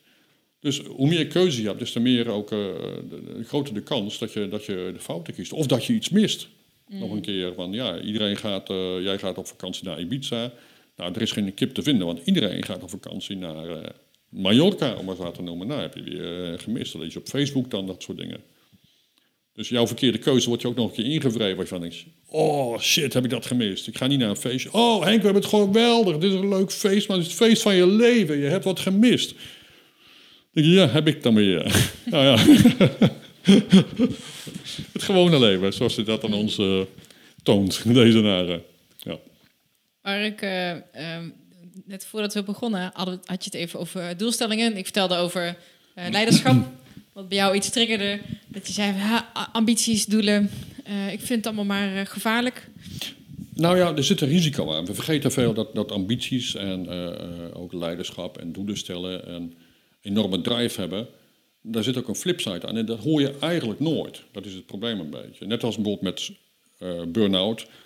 Oh, je hebt een burn-out, jij moet dus wat meer gaan sporten, mannetje. Kun je je voorstellen hoe hard je gaat rijden? Want met sporten geef je energie uit als je sport. Dan moet je lichaam aanpassen en dat aanpassen, dat herstel, kost ook energie. Ja, als jij met een lege tank zit, waar haal je de energie vandaan? Dus mensen die nog maar een paar druppels in die tank hebben, die anders nog net de benzinepomp gehaald zouden hebben, ja, die druk je nu eventjes de vluchtstrook op. Want dat is niet een medicijn. Sporten of bewegen is niet een medicijn wat helpt tegen depressies en osteoporose en hart- en vaataandoeningen en preventie van burn-out. Allemaal geweldig om te sporten. Nee, sporten is gewoon een medicijn. En elk medicijn er ook bij. Je kunt er ook geblesseerd van raken. Je kunt ook oververmoeid raken. Je kunt ook overtraind raken. Vraag het aan de gemiddelde sporter. Dus het is niet zo, eh, te vaak hoor je, eh, of te weinig vaak hoor je de negatieve kant van al die dingen die als positief worden. Het beste uit jezelf halen. Hoe weet ik nou wat het beste is? Hoe weet ik het of ik het eruit heb gehaald? En als het niet is gelukt, dan heb ik blijkbaar niet moet ik nog maar een beetje meer mijn best doen. Dat zie je ook bij sporters, die trainen zoveel keer in de week en dan eh, presteren ze niet voldoende. En dan gaan ze, het eerste wat ze doen, nog meer trainen. Want ik heb blijkbaar niet voldoende gedaan. Nou, doe eens wat minder, misschien helpt het ook. Dus hier zit wel een beetje een, eh, een, eh, een, een, een, een probleem. Dat je zelden hoort dat, dat ambitie zijn mensen zijn tomeloze ambitie, maar ze hebben ook de energie om daarmee om te gaan. Ze hele robuuste mensen hebben barst die rijden graag plankgas, maar ze hebben ook een joekel van een benzinetank. En dan zijn mensen, weet je wat, jij moet wat meer gas geven, je moet het wat... Oké, maar die mensen hebben zo'n klein tankje. Ja, die komen tot de hoek van de straat plankgas en dan is een tankje leeg. Is dat, is dat genetisch bepaald, denk jij? Of, of, is, dat, of kunnen we dat, is dat trainbaar? Ja, hele goede vraag. Hele goede vraag. Mooi. Uh, ja, voor een gedeelte is dat genetisch bepaald. Hè, door, door, door degenen die bijvoorbeeld je stresshormonen bepalen. En de enzymen die stresshormonen bepalen. Dus uh, ja, dat herken je ook wel. Je hebt robuuste families waar iedereen uh, heel lang leeft, zelden ziek is, die nooit ziek zijn. Die ook op de middelbare school, op de lagere school, die kinderen die zijn altijd zitten die in de klas. En er zijn kinderen en families die Het is maar een griepje. En je, zij hebben het natuurlijk. En die kinderen blijven een paar dagen van school. En, eh, dus, dus fragiele en, en robuuste mensen. Niet in de lichamelijke zin, maar in de zin van resources. Van, van vitaliteit eigenlijk. Dat is voor een gedeelte is dat genetisch bepaald. Maar het is ook heel goed... eh, eh, eh, ik zei niet maakbaar, maar veranderbaar door bijvoorbeeld eh, eh, opvoeding. Hoe ben je opgevoed? Je kunt wel de goede genen hebben, maar als je slechte opvoeding hebt, dan gaat dat nog niet lukken. Door opleiding. En in de sport dan praten we over trainen. Eh, je kunt een hele hoop dingen zijn wel manipuleerbaar in ieder geval, of, of, of eh, maakbaar in die zin. Niet alles is maakbaar. En eh, ja, hoe meer we eigenlijk weten, des te meer we eigenlijk aan de ene kant beseffen dat genetisch ook heel belangrijk is. Aan de andere kant beseffen we ook dat de dingen wel meer maakbaar zijn dan andere. Maar het is niet extreem dat alles maakbaar is of dat alles kun je. Oh ja, maar. Ja, ik ben helemaal lui van aard, dat is gewoon genetisch. Mijn ouders waren ook aardslui. Nou, dat is ook weer niet zo. Ja, dan zit je ook weer met wat, wat zeg je tegen jezelf en hoe programmeer je jezelf? Je Natuurlijk. dat- ja. maar zelfs dat, wat jij zegt, je self-talk, hè, dus dat stemmetje in je hoofd, dat is ergens geprogrammeerd. En vaak zijn je ouders dat die zeggen van, hey, kom op je best doen. Niet opgeven. Altijd het beste uit jezelf halen. Altijd eerlijk zijn tegen mensen. Altijd netjes zijn tegen mensen. Altijd met twee woorden spreken. Ja, en dat, dat heeft... Ja, tot 80 jaar na die tijd, eh, weer klinkt dat nog in jouw hoofd eigenlijk, wat je destijds als kind geleerd hebt. Dan ben je heel, heel kwetsbaar voor, en heel gevoelig voor alle, alle, alle input nog eens een keer. Dus alles wat je ouders je verteld hebben, dat, eh, dat kan nog steeds een rol spelen. In positieve zin, dat je goed opgevoed bent en dat je ouders hebben geleerd om niet bij de pakken neer te gaan zitten. Maar ook in negatieve zin, nog een keer. Om het altijd maar door te gaan. Ja, niet opgeven, niet zeuren. Nooit opgeven, altijd maar weer gevallen zijn en opstaan en weer doorlopen. Ja, dat zou best eens, maar soms werkt het tegen je, klaar. Maar dat stem in je hoofd, dat zegt gewoon dat jij moet opstaan en gewoon weer doorlopen. Ja. En soms is dat gewoon niet haalbaar, klaar. Want een aantal dingen zijn ook veranderd. Niet in, in, in- binnen een generatie of binnen een aantal generaties. Wat vind je, je zegt ja, die negatieve kanten van het, eh, het beste uit jezelf eh, halen of eh, je mooiste leven leven was natuurlijk nu ook heel Ja, erg ja. zo'n catchphrase. Ja, Ik, ik weet niet, of- ken jij eh, mensen als Tony Robbins? sorry? Tony Robbins, zegt je dat wat? Jazeker, ja, Ja, zeker, ja, ja, zeker. Oh ja, zeker, Wat zeker. vind je daarvan? Ik was waarschijnlijk een van de eerste die zijn boeken had. En, ehm, nou, hoeveel succes heeft hij gehad? Ja, gigantisch, nog steeds. Ja, hij. Ja. Ja. Oh, maar of het, of het werk bedoel je? Eh, Oh, hoeveel, ja. hoeveel, hoeveel mensen zijn eh, Tony Robbins geworden uiteindelijk?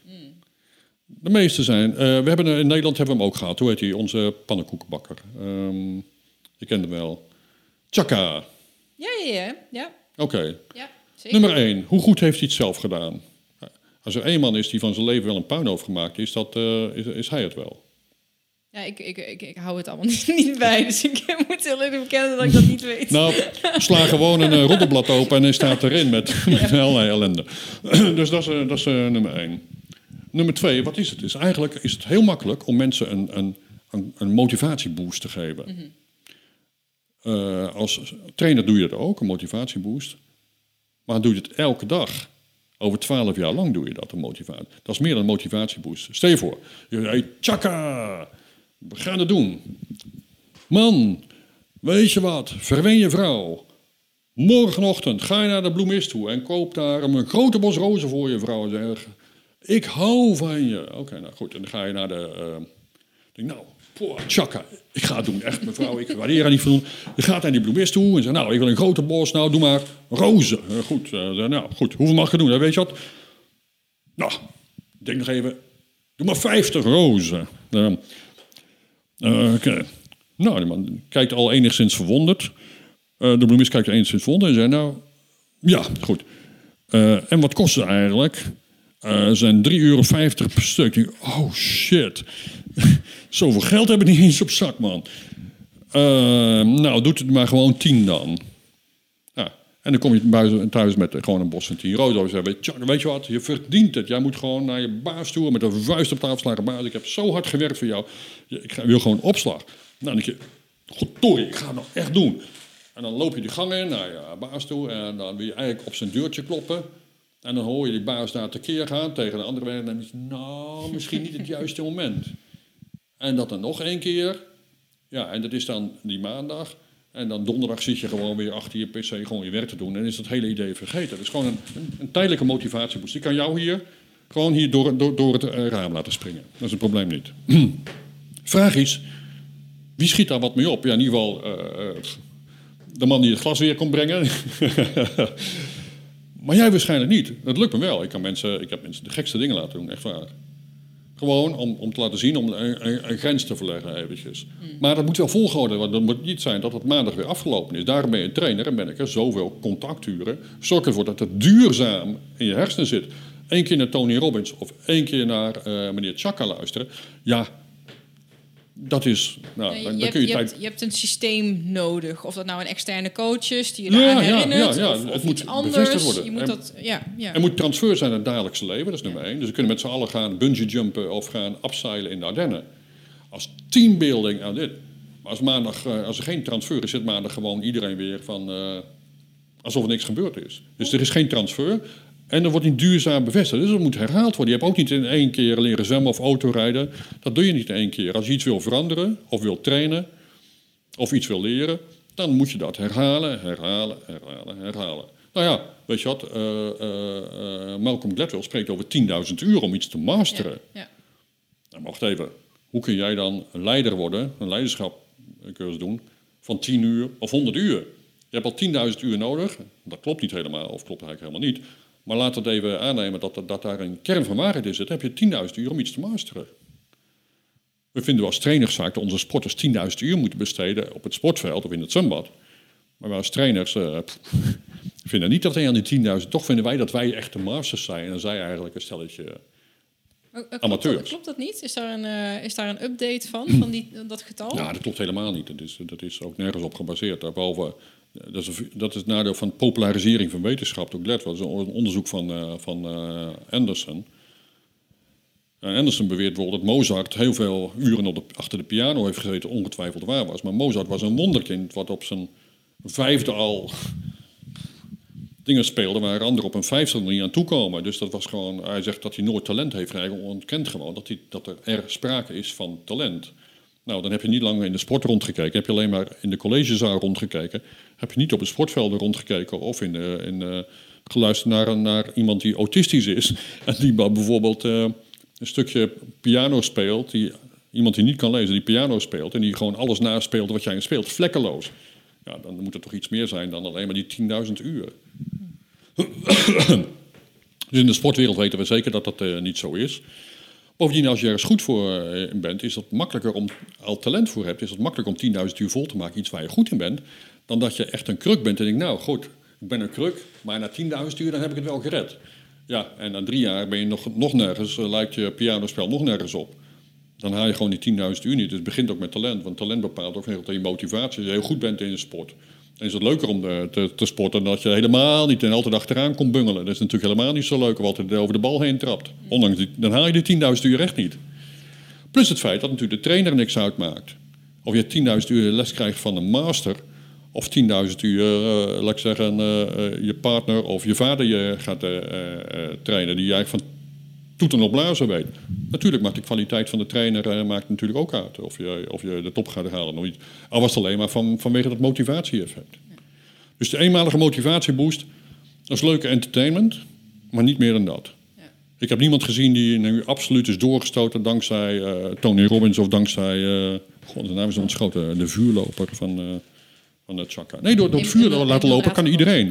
Maar het is een metafoor, niet meer dan dat. Ik kan je ook laten bungee jumpen en dingen laten doen waarvan je... Nou, ik denk wel dat je mensen eh, een- een- even hun perspectief kan wisselen. Hè? Als iemand helemaal vastzit in een bepaalde manier van kijken. Ja, Oh, het kan ook op die manier. ja, Maar dat is niet genoeg. Dat is gewoon een eerste stap. ja, En eh, het zal ook niet voor iedereen geschikt zijn. ja. Dus misschien is het dat. Het is even een soort van wake-up call kan het zijn voor iemand. Maar je, nogmaals, dat zeg je ook. Je hebt daarna een soort een systeem nodig. Een systematiek. Een, een, een, een, een, eh, Heel goed. Wake-up call. Ja, toch? Maar die moet je elke morgen hebben. Ja. Of je hebt hem niet nodig, of je hebt hem elke morgen nodig. Ja, is Het dat kan niet zijn dat je één keer een wake-up call nodig hebt. Nou, weet je, wat een je, mooie wat metafoor je- wel. Nou, ik denk wat je niet weet, Mhm. weet je niet. Dus het, ehm, ehm, jij kan mij nu iets vertellen wat ik nog niet wist, Mhm. waardoor mijn perspectief verandert en mijn, mijn visie verder, of mijn wereldbeeld verder wordt ingekleurd. Denk ik, oh, nu dit stukje op zijn plek valt erbij, ga ik misschien eens actie ondernemen. Ik, uh, voorbeeldje, mijn, Ja. mijn laatste grote... eh, ik heb dat vaak met als ik boeken lees. Ja, Ehm, ik heb nu eh, één boek waarbij ik het heel erg had. Het heet de, Dorit- de Dorito Effect. Het gaat over eh, de smaak ja, en over eh, kunstmatige smaakstoffen. Ja, de toevoeging ja. van voedsel. En hoe dat, hoe dat is ontstaan op de Dorito-chipje. ja, Want ja. uiteindelijk smaakt dat naar niks. Dat is gewoon gebakken eh, tortilla volgens Goed, mij. ja, ja. Nou, doe je wat eh geurkleur en smaakstoffen overheen. En in één keer denk je dat je tomaat met kaas aan het Ja, eten bent. ja, dus je houdt je lichaam voor de gek. Hè? Dus- en Ja, ja. denk ik, oh, maar nu ik dit weet, nu ik dit snap, nu ik dat, die eye-opener heb gehad, eh, ga ik mij aanpassen. ja. Ik ben nu het tweede boek wat, wat ook dat effect op mij heeft. Dus dat 10% eh, human. Dus het gaat over ons, eh, ons microbioom. Dus dat wij eigenlijk van elke één menselijke cel die wij meenemen, nemen we ook negen niet-menselijke cellen mee. Bacteriën, schimmels, et cetera. Ja, ja. En die bepalen ook ons gedrag en onze behoeftes en onze gedachten. En hoe Ja. we ons voelen, hoe we kijken. Ah, voor een deel. Ja, Voor een deel. In Amerika dus- krijg je dus ongetwijfeld binnenkort dat iemand een moord pleegt en zegt: Ik ben Dat niet de schuld, dat is mijn mijn, micro bacteriën. mijn microbioom heeft het me verteld. Dan ga je mij een brug te ver. ik ben het heel met je eens, Nee, ik, Ah. ja, maar eh, dat betekent dat we eigenlijk aan de sorry ene schat, het was ik niet. Ik, Ik hoorde hier al die kleine stemmetjes in mijn, eh, in mijn, in mijn hoofd. Ik kwam een microbioompje. nou, zo wordt het wel een beetje gebracht dat het je smaak beïnvloedt en je, je cravings. Natuurlijk, jij bent de, de, de, je kan het overroelen. Ja, Maar dat wil niet zeggen dat je, dat je urges hebt. Dat je in een bepaalde voeding omdat je bepaalde schimmels in je, in je buik hebt bijvoorbeeld. oh ja, natuurlijk. Heel veel dingen zijn eigenlijk waarvan we ons tot voor kort eigenlijk waren ons helemaal niet bewust van microbioom. Het waren gewoon die rare darmbacteriën die helemaal vitamines opnamen of zorgen dat, dat eh, voedingsstoffen doorkwamen. En verder is eigenlijk geen functie. Dan weet dat het eigenlijk veel belangrijker is en veel gevoeliger ook is voor allerlei invloeden nog eens een keer. Voor antibiotica, maar ook voor wat je eet en wat je drinkt. En dat het ook jou weer voor een, een, een gedeelte in ieder geval eh, bepaalt. Maar laten we geen slaaf zijn van het microbioom in ieder geval. Nou, we zijn al slaaf van de technologie. Wie zijn wij dan nog? Nou, dan zijn wij ja, maar wij zijn slimmer dan die microbiomen, geloof me. Wij zijn een stuk slimmer nog dan de microbiomen. Ja. Maar daar is er ook geen een strop, dat is een smartphone in de hand. Weet je niet, ja, wie weet. Als als we ooit microscopen kunnen maken die zo ver kunnen in, eh, inzoomen. ja, Ehm, ja. ik hoorde dat jij eh, vier boeken aan het schrijven bent. Je hebt natuurlijk al een boek geschreven. Oh. En, dan ga, en ik hoorde... Maar... ehm, vertel. Ja, nou was ik hoorde ook iets over dat focus heel belangrijk is. Ja, dus, nee, nee. Eh, ehm, ik denk dat je energie, resources... Er zijn momenten waarop je moet zijn als een laserpointer. Ik weet wat, dat wil ik jou uitleggen. Dan zeg ik, kijk daar maar even, heb ik een zaklamp? Nou, dan denk je, ja, waar schijnt hij nou eigenlijk op? Hij schijnt op het schilderij, hij schijnt op eh, stopcontact. Ja, die, die zaklamp gaat hem niet vullen. Dan moet ik met de laserpointer, zo'n klein rood puntje. Pam, als een laser, heel gefocust. Dan weet ik wat ik wil, daar ga ik heen. Nu eh, kom ik s'avonds thuis en eh, ik laat mijn sleutels vallen, vlak voor de deur. En er is geen, de, de lamp is eh, net kapot. Heb ik dan liever een laserpointer of een zaklamp? Nou, dan heb ik liever een zaklamp. Als ik het niet weet, heb ik liever een zaklamp. En zoeken doe ik liever met een zaklamp dan met een laserpointer. Nou, en dus denk ik dat mensen heel snel, mensen met kwaliteit, kunnen heel snel schakelen van focus, absolute focus, tot breed perspectief. Gewoon wijde blik hebben, een open mind hebben, tot focus. En de beste mensen kunnen het heel snel. De mensen die succesvol zijn, kunnen heel snel wisselen van zaklamp naar, naar, eh, naar laser en van laser weer naar zaklamp. Ja, er zijn mensen altijd zeer gefocust, alleen die hebben nooit oog voor wat er daarbuiten gebeurt. Die zien daar eigenlijk niks. Ze zijn altijd op het rode puntje daar en zien daarbuiten zien ze helemaal niks. En mensen hebben een hele brede blik, maar gaan gewoon nergens heen. Omdat ze uiteindelijk niet weten waar ze heen gaan en wat ze zoeken. Dat is, eh, dat, eh, wat, waar, geven eigenlijk geen richting eraan. Ik denk dat je allebei moet kunnen. Dat is ook weer de homo universalis die inderdaad niet smal of eng georiënteerd, maar eigenlijk heel breed georiënteerd is. Maar ook weer van alle onderwerpen voldoende diepgang heeft om daar iets over, over mee te kunnen praten, om daar iets zinvols te vertellen. Dus niet oppervlakkig alles weten, maar ook een, ook een behoorlijke diepgang overal in hebben. Nou, dat is misschien ook wel de reden voor mij om deze podcast eh, te doen, besef ik me ineens. Dat eh, breed genoeg ontwikkeld zijn om met een, een, een eh, verschillende groepen mensen te kunnen praten. Ja, En nog wel interessante vragen te kunnen stellen en ook wat te kunnen leren. Maar ik hoef niet oh, helemaal de expert te zijn op het gebied van burn-out of stress of training. nee. Maar wel genoeg dat ik wel echt weet waar het over gaat. Ja, ja, ja. ja, dat klopt. Dat klopt. Maar ik, Ik ik vind het als een hele mooie vergelijking. Dat, dat eh, die laserpointer en die zaklamp, als het gaat om focus. Ik ga die, eh, ga die onthouden. Oké. Ja. Er zijn dingen die gewoon al, al werkend een beetje eh, een metafoor. Ik werk graag met metafoor. De ene persoon heeft graag dat je dingen heel concreet, cijfermatig, rationeel eh, eh, uitlegt. Met grafieken en tabellen. En de ander heeft graag een metafoor. De mensen als auto heb ik net al genoemd. Of de zaklamp. Ja, en die snappen dat veel beter. Hangt af van, van welke hersenhelft domineert eigenlijk. Linker of rechter hersenhelft, moet ik zeggen. Ja. En ehm, ja, je zit in de transformatieacademie. Wat, wat betekent het woord transformatie voor jou? Of hoe, hoe zie jij dat? Wat is Eh, transformatie? Transformatie is eigenlijk eh, zo normaal voor mij dat het eigenlijk bijna betekenisloos is. Omdat het eigenlijk voor transformatie, dat is een van de weinige zekerheden. Transformatie is eigenlijk een verandering. En die verandering is eigenlijk, nou ja, we hebben allerlei, laat ik zeggen, natuurlijke veranderingen. Dus een van de veranderingen die terugkomt is, eh, nou ja, ik noem het een dag- en nachtritme. Een maandritme, een jaarritme, alle jagentijden zijn gewoon uit transformatie van, van zomer en herfst, van herfst weer en winter. Dat is eigenlijk, eigenlijk wel, maar het komt ook steeds weer terug, hè, die, die, cycli. Dan heb je gewoon de transformatie die eigenlijk eh acyclisch is of eigenlijk eenmaal. Dat is gewoon je eigen levenscyclus. Die begint van baby tot aan uh, en dan eigenlijk neem je afscheid van, van dit aardse leven. Eh, ja, dat is eigenlijk een, een grote aaneenschakeling van, eh, van eh, transformaties. Van baby tot peuter, van peuter tot kleuter, tot het kind tot aan de adolescenten, de, de, puber, de adolescenten, voor, voor jongvolwassenen, volwassenen, de, nou, noem maar op. Dat zijn allemaal transformaties. Daarnaast heb je gewoon de transformaties in je, in je, in je, in je, in je carrière, in je, in je werkleven eigenlijk nog eens een keer. En dan laat ik hem anders stellen ook. Want je zei van een stukje maakbaarheid is niet helemaal. Eh, je kunt het misschien sturen, maar niet maken. Je zei het voor de grap van ik kan, ik kan geen sumo-worstelaar, eh, mezelf Ja. geen sumo-worstelaar maken. Ja, Ehm, kunnen wij dan ook wel veranderen? Stel dat iemand hier komt en nou, Ja. je ziet een bepaald eh, patroon bij iemand, een bepaalde eh, levensstijl. En zegt, nou, Ja. eh, metertjes staan in het rood, ik wil veranderen. Dit is wat ik wil aanpassen. ja. Kunnen we dat? In ieder geval tijdelijk kunnen we dat. We kunnen in ieder geval tijdelijk veranderen, maar eerst een natuurlijke voorkeur ergens eh, voor. Je hebt ochtendmensen en avondmensen. Nou, mensen zijn, s ochtends springen ze uit bed en zijn gelijk wakker, zijn niet zagrijnig, we gaan aan het werk. Maar ja, tegen een uur of vier, dan hebben ze het wel zo'n beetje en gaan ze nou om acht uur niet meer lastigvallen met een klusje, want dan zijn ze half in slaap. Dan heb je avondmensen. Ja, die mensen staan wat moeilijk op, een beetje later ook, vaak hè, de wat zuidelijke landen, mediterrane landen. Eh, dan staan we later op en dan, eh, oké, dan worden ze een beetje wakker zo tegen lunch. En dan smiddags dan worden dan bloeien ze een beetje op. En dan s'avonds, nou, dan is het bam, veel energie. En dan gaan ze om acht uur of negen uur s'avonds aan tafel en blijven tot twaalf uur aan tafel zitten. Nou, dat komt ook voor een gedeelte door de hè, cultuur en door, door de geografische ligging. En ehm, kun je dat veranderen? Nou ja, dat is in de sport is dat heel gemakkelijk om te meten. Want je hebt bijvoorbeeld wedstrijden, Olympische Spelen. En dan moet je 's morgens om tien uur moet je al je kwalificeren voor die finale van de Olympische Spelen. Nou, als jij een avondtype bent, dan ben je om tien uur nog niet wakker. Kun je dat veranderen? Ja, tijdelijk. Dan kun je echt opstaan om vijf uur en zes uur, dan doen we dat, vijf uur, zes uur opstaan. In plaats van om negen uur opstaan. Dan ga je opstaan een aantal weken lang voor de Olympische Spelen. En dan lijkt het alsof je een ochtendtype bent. Nee, je kunt dan, ochtend kun je dan goed presteren, maar je bent nooit een ochtendtype. Dat blijft gewoon in jouw biologische klok. Hè, die, die, die klok die, waarvan we denken dat die 24 uur is, maar die is geen 24 uur, kan 23 of 25 uur zijn.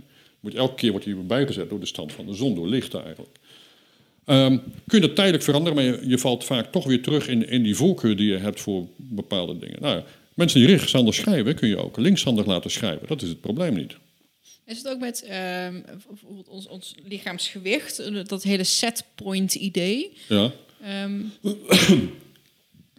kunnen, we dat dan veranderen, ons setpoint? Hè? Dus ja, voor degene die niet weten, het, het natuurlijk gewicht daar we altijd weer een beetje naartoe terugneigen. Vaak zie je dat mensen, hè, wat je echt tijdelijk aanpassen, dus eh, die, die wel wat afvallen, maar dan weer terugkomen Ja. naar waar ze waren. Ja, nou, er zijn verschillende setpoints. Eén setpoint voor eigenlijk je totale gewicht, maar er is ook een setpoint voor vet, is er, eh, voor vetcellen. Er is een setpoint voor eh, koolhydraten. En zo zijn er echt wel verschillende setpoints die elkaar opge, met elkaar opgeteld eigenlijk zorgen voor, voor je lichaamsgewicht of schommel. Nou ja, dat kun je veranderen. Dat kun je, blijft het veranderen? Dat is een grote vraag. Eén ding die het verandert is bijvoorbeeld gaan roken. Door roken verlaag je je setpoint. Is dat zo? Ja, stop maar eens met roken. Dan merk je het onmiddellijk. Dan ga je, Tijdelijk. tijdelijk. Nou, nee, op het moment dat jij altijd gerookt hebt... eerst ooit rookte je niet. Precies. Precies. Maar toen was je ook nog jong. Toen was je misschien nog zo, zo oud. nu speelden andere zaken nog eens een keer een rol. Uh, ja, dus het setpoint, ik denk wel dat je dat setpoint uh, kunt veranderen, maar dat kost heel wat werk, want dat, is, dat setpoint is er niet voor niks. Je zet niet voor niks je thermostaat op 18 graden. Als je thermostaat op, uh, op 80 graden staat, dan brandt het pand af. Als je thermostaat op, op, op min 10, dan hebben we er hier een, een vrieskist van gemaakt. Nou, ergens voelt de mens zich ergens behagelijk tussen de buitentemperatuur van 18 graden. Je huid is dan nog altijd 30 graden. Maar 18 graden, 20 graden voelen we ons behagelijk dat setpoint is er niet voor niets. Dat is iets waar wij een bepaalde... Ja, de een heeft een setpoint van 100 kilo, en de ander heeft een setpoint van 60 kilo. En de meeste van ons ergens tussen de, ja, ik zeg, de mannen in ieder geval tussen, tussen de 70 en de 90 kilo. Dat is wel de meerderheid. Maar er zijn mensen die, van wie dat setpoint afwijkend is. Heeft ook te maken bijvoorbeeld met je hormoonsysteem, met je, met je schildklier, die je setpoint bepaalt. Heb je meer schildklier, dan gaat je setpoint naar beneden. En dan heb je moeite om aan te komen. Dan heeft je altijd een neiging om omlaag te gaan. Dan word je heel mager. Mensen met uh, te weinig schildklierhormoon, die hebben neiging om heel snel de neiging om aan te komen. Het setpoint ligt eigenlijk heel hoog. Dus er allerlei invloeden op die verschillende setpoints nog eens een keer. Dat is best een behoorlijke klus om daaraan te sleutelen. Ja, ja er wordt vaak heel makkelijk over gedaan. Ja, dan uh, eet je toch minder en dan beweeg je toch wat meer. Ja. Maar volgens mij zijn er nog veel meer... Nou, dan hebben we niet eens over de emotionele componenten uh, gehad. Hè? Mensen vasthouden aan een bepaald, ja. Ja, ah, ja. bepaald gewicht bijvoorbeeld. Nou, eten aan, ja, eten aan eh, uit, uit, uit emotie of comfortfood. Hè. Dat is wel een belangrijke rol ook nog eens een keer. Dat zie je ook eigenlijk steeds meer. En daar komt ook mensen zeggen, maar je bent een beetje cynisch over happiness. Ten slotte zijn wij als Nederlanders na Bhutan en Denemarken een van de gelukkigste volkeren ter wereld. Dan zeg je, ja, ga maar na. 17 miljoen inwoners, 800.000 alcoholisten, 1 miljoen Nederlanders gebruikt slaapmiddelen, 1 miljoen Nederlanders gebruikt Daarnaast antidepressiva. 1 miljoen Nederlanders rookt een joint om zijn onbehagen uh, wat te dempen. 1 miljoen Nederlanders uh, slikt, spuit of snuift cocaïne of heroïne of heeft ecstasy daarvoor nodig. Dan hebben we nog 1 miljoen Nederlanders die lopen, fietsen, zwemmen, fitnessen hun onbehagen weg. Dan hebben we nog 1 miljoen Nederlanders die eten hun onbehagen weg. Ja, geen wonder dat wij zo'n happy volkje zijn. Dat is dus helemaal niet zo. We zijn alleen in staat om, om dankzij weer de technologie of onze kennis, om aanpassing mogen, om manieren te vinden, externe manieren om, om ons onbehagen te dempen. Dat is eigenlijk alles. Want wat zou er gebeuren als je dat allemaal niet zou doen? We hebben het blijkbaar nodig, want anders, anders doe je dat niet. Dus we hebben manieren gevonden om het onbehagen weg te gaan. We zijn niet zo happy, intern zijn we niet happy, want dan hadden we geen drank nodig om happy te zijn. Dan hebben we geen, niet een joint roken om een beetje uh, af te koelen wat, wat me uh, daarbij te binnen schiet, is dat. Uh, ja, eens. Het is volgens mij ook echt wel een manier om, om, om weg te drukken, om te verdoven. Um, of kun je een andere reden bedenken? Nee, maar wij zijn, zijn we niet als mensen ook gewoon, wij zijn ook gewoon gemaakt voor plezier. En, en er is een soort van, hè, de, ook de balans tussen ontspanning of inspanning en ontspanning. Ja. Tussen, tussen uh, nou, moeilijke dingen doen, maar ook genieten. Absoluut. En ik zeg niet dat je dan uh, uh, een hele taart moet eten en twee joints moet roken. En weet je, dat, dat, dat je het over de top of dat je ervan afhankelijk moet zijn. Ja. Maar wij, wij zijn wel duidelijk, wij zijn wel pleasure monkeys. Ja, om toch even bij de apen te blijven. We doen gewoon dingen omdat we het leuk vinden. Ik ben de laatste die er niet ja. eentje is. Uh, absoluut waar. Ja. ja. nee, absoluut waar. Wij, wij, wij, streven naar, naar eigenlijk genot, hè, hedonisme. En we proberen doen, uh, gaan ook behoorlijk ver om, om uh, onbehagen te vermijden. Zoals het spuiten van heroïne of het, of het, of het, of het slikken van... En volgens mij zelfs, als we te weinig hedonistische ervaringen hebben... te weinig extase, te weinig niet in flow komen. Kijk, een, een sporter is denk ik wel anders. De sporten en in flow, dat wordt vaak wel... Volgens mij was het voor het eerst zelfs in de sport ook gezien. Ja. Um, maar als je dat nooit hebt... Ja. Ja, er zijn mensen die zeggen van... Um, um, ik weet even de naam van die uh, boekschrijver niet meer... Zij maken een extasekalender voor jezelf. Om zorgen dat je elke maand, en elk, elk kwartaal, elk half jaar en elk jaar een oplopende grootte, wat het dan voor jou ook is, maar plan tijd in voor, voor een extatisch moment. Of het nou een avond dansen is, of nou, weet je gewoon, want we, ja, hebben zou, nodig om in, in balans te komen. Ja, ik zou het niet eens extase willen noemen. Ik zou niet, want dan, dan, dan, dan klinkt er weer zo hoog dat je denkt dat is onbereikbaar.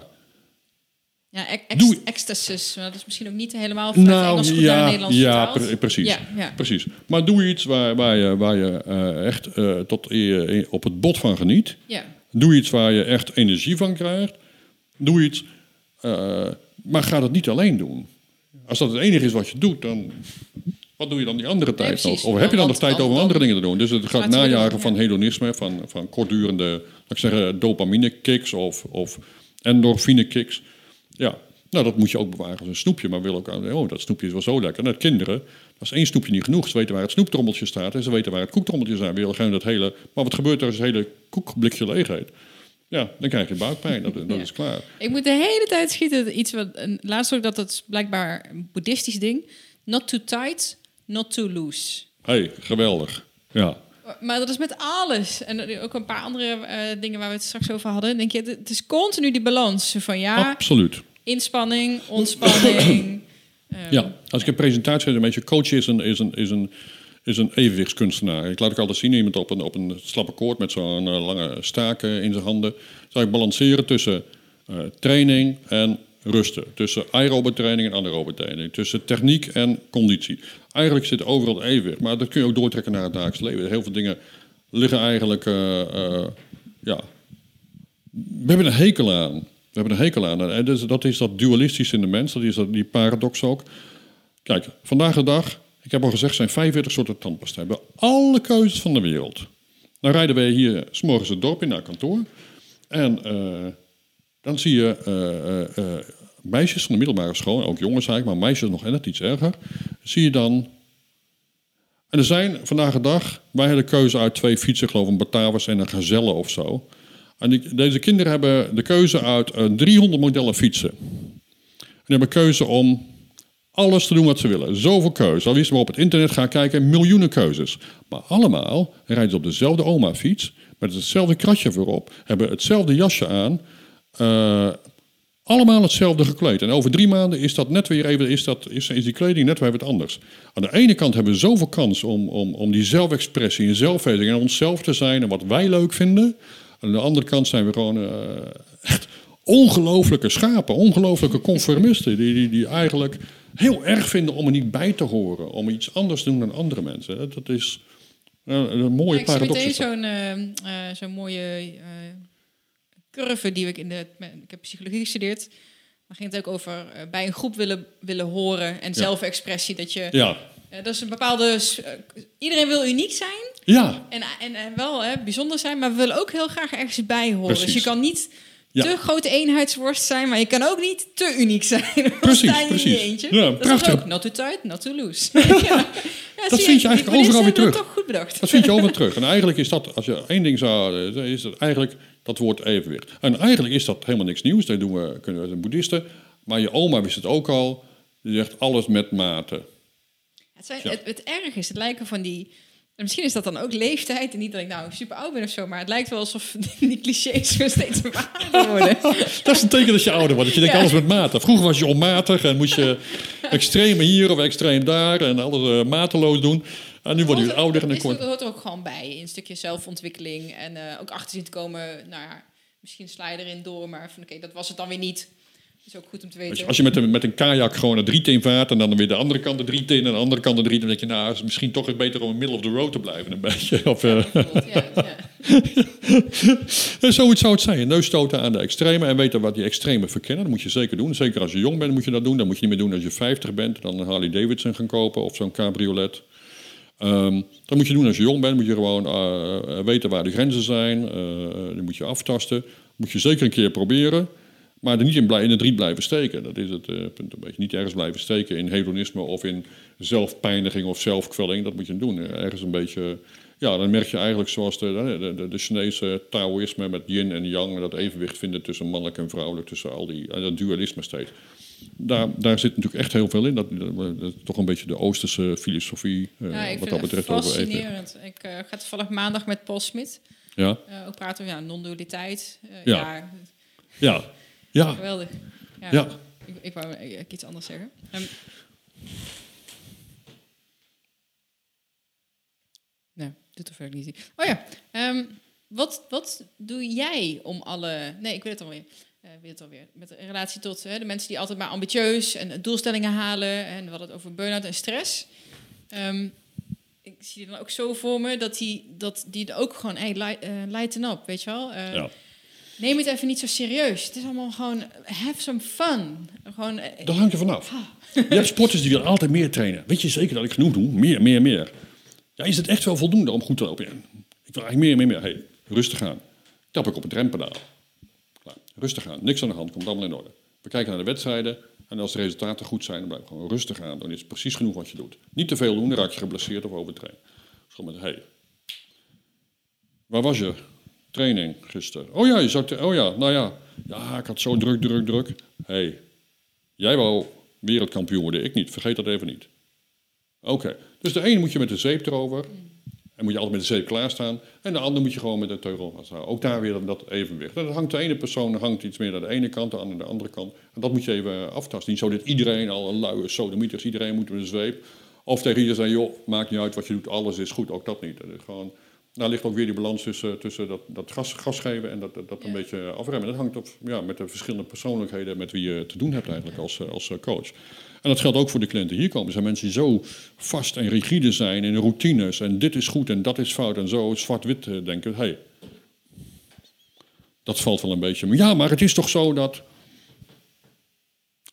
Nee, soms wel, soms niet. In jouw geval niet. Oké. Oh, mensen, weet je wat? Eh, ja, ja, god, eh, ja, maar goed. Wat maakt het ook uit of ik nou zes uur slaap? Ja, wat eten.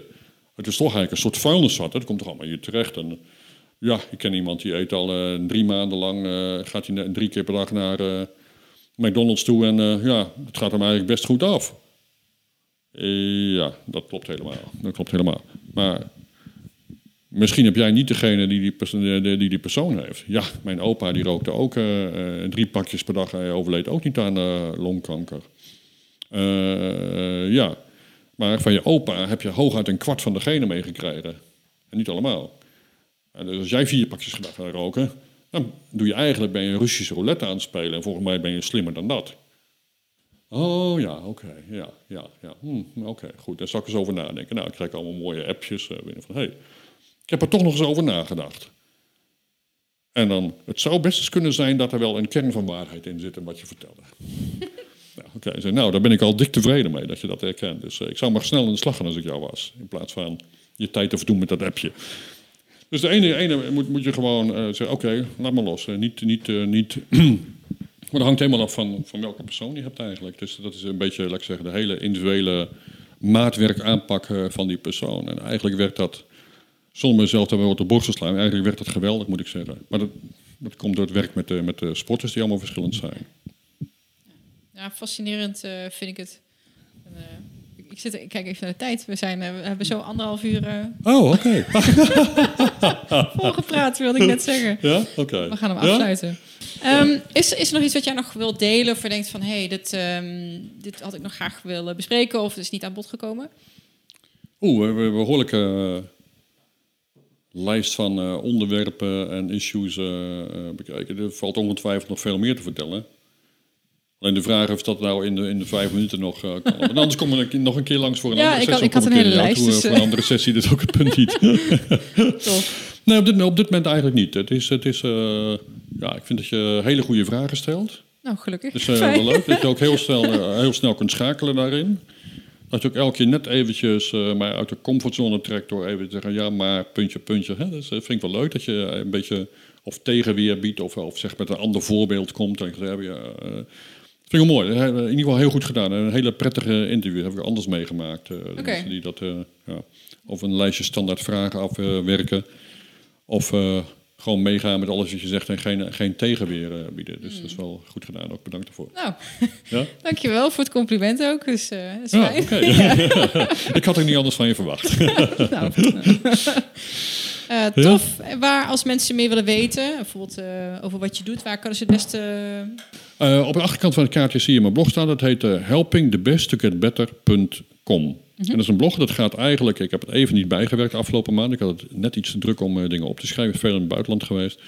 Eh, en dat gaat eigenlijk over sport en nieuwe ontwikkelingen. En ook een beetje eh, mijn eigen hang-ups en stokpaardjes en zo. En, eh, soms zijn het, iets, het gaat over heel iets anders dan, dan sport met dingen die je op dat moment even belangrijk vindt om met iedereen te delen, zal ik maar Ja. zeggen. Tof. Nee, ik ga, hem, ik ga hem opnemen in de show notes. En dan dank je wel. Oké, graag Ja. gedaan.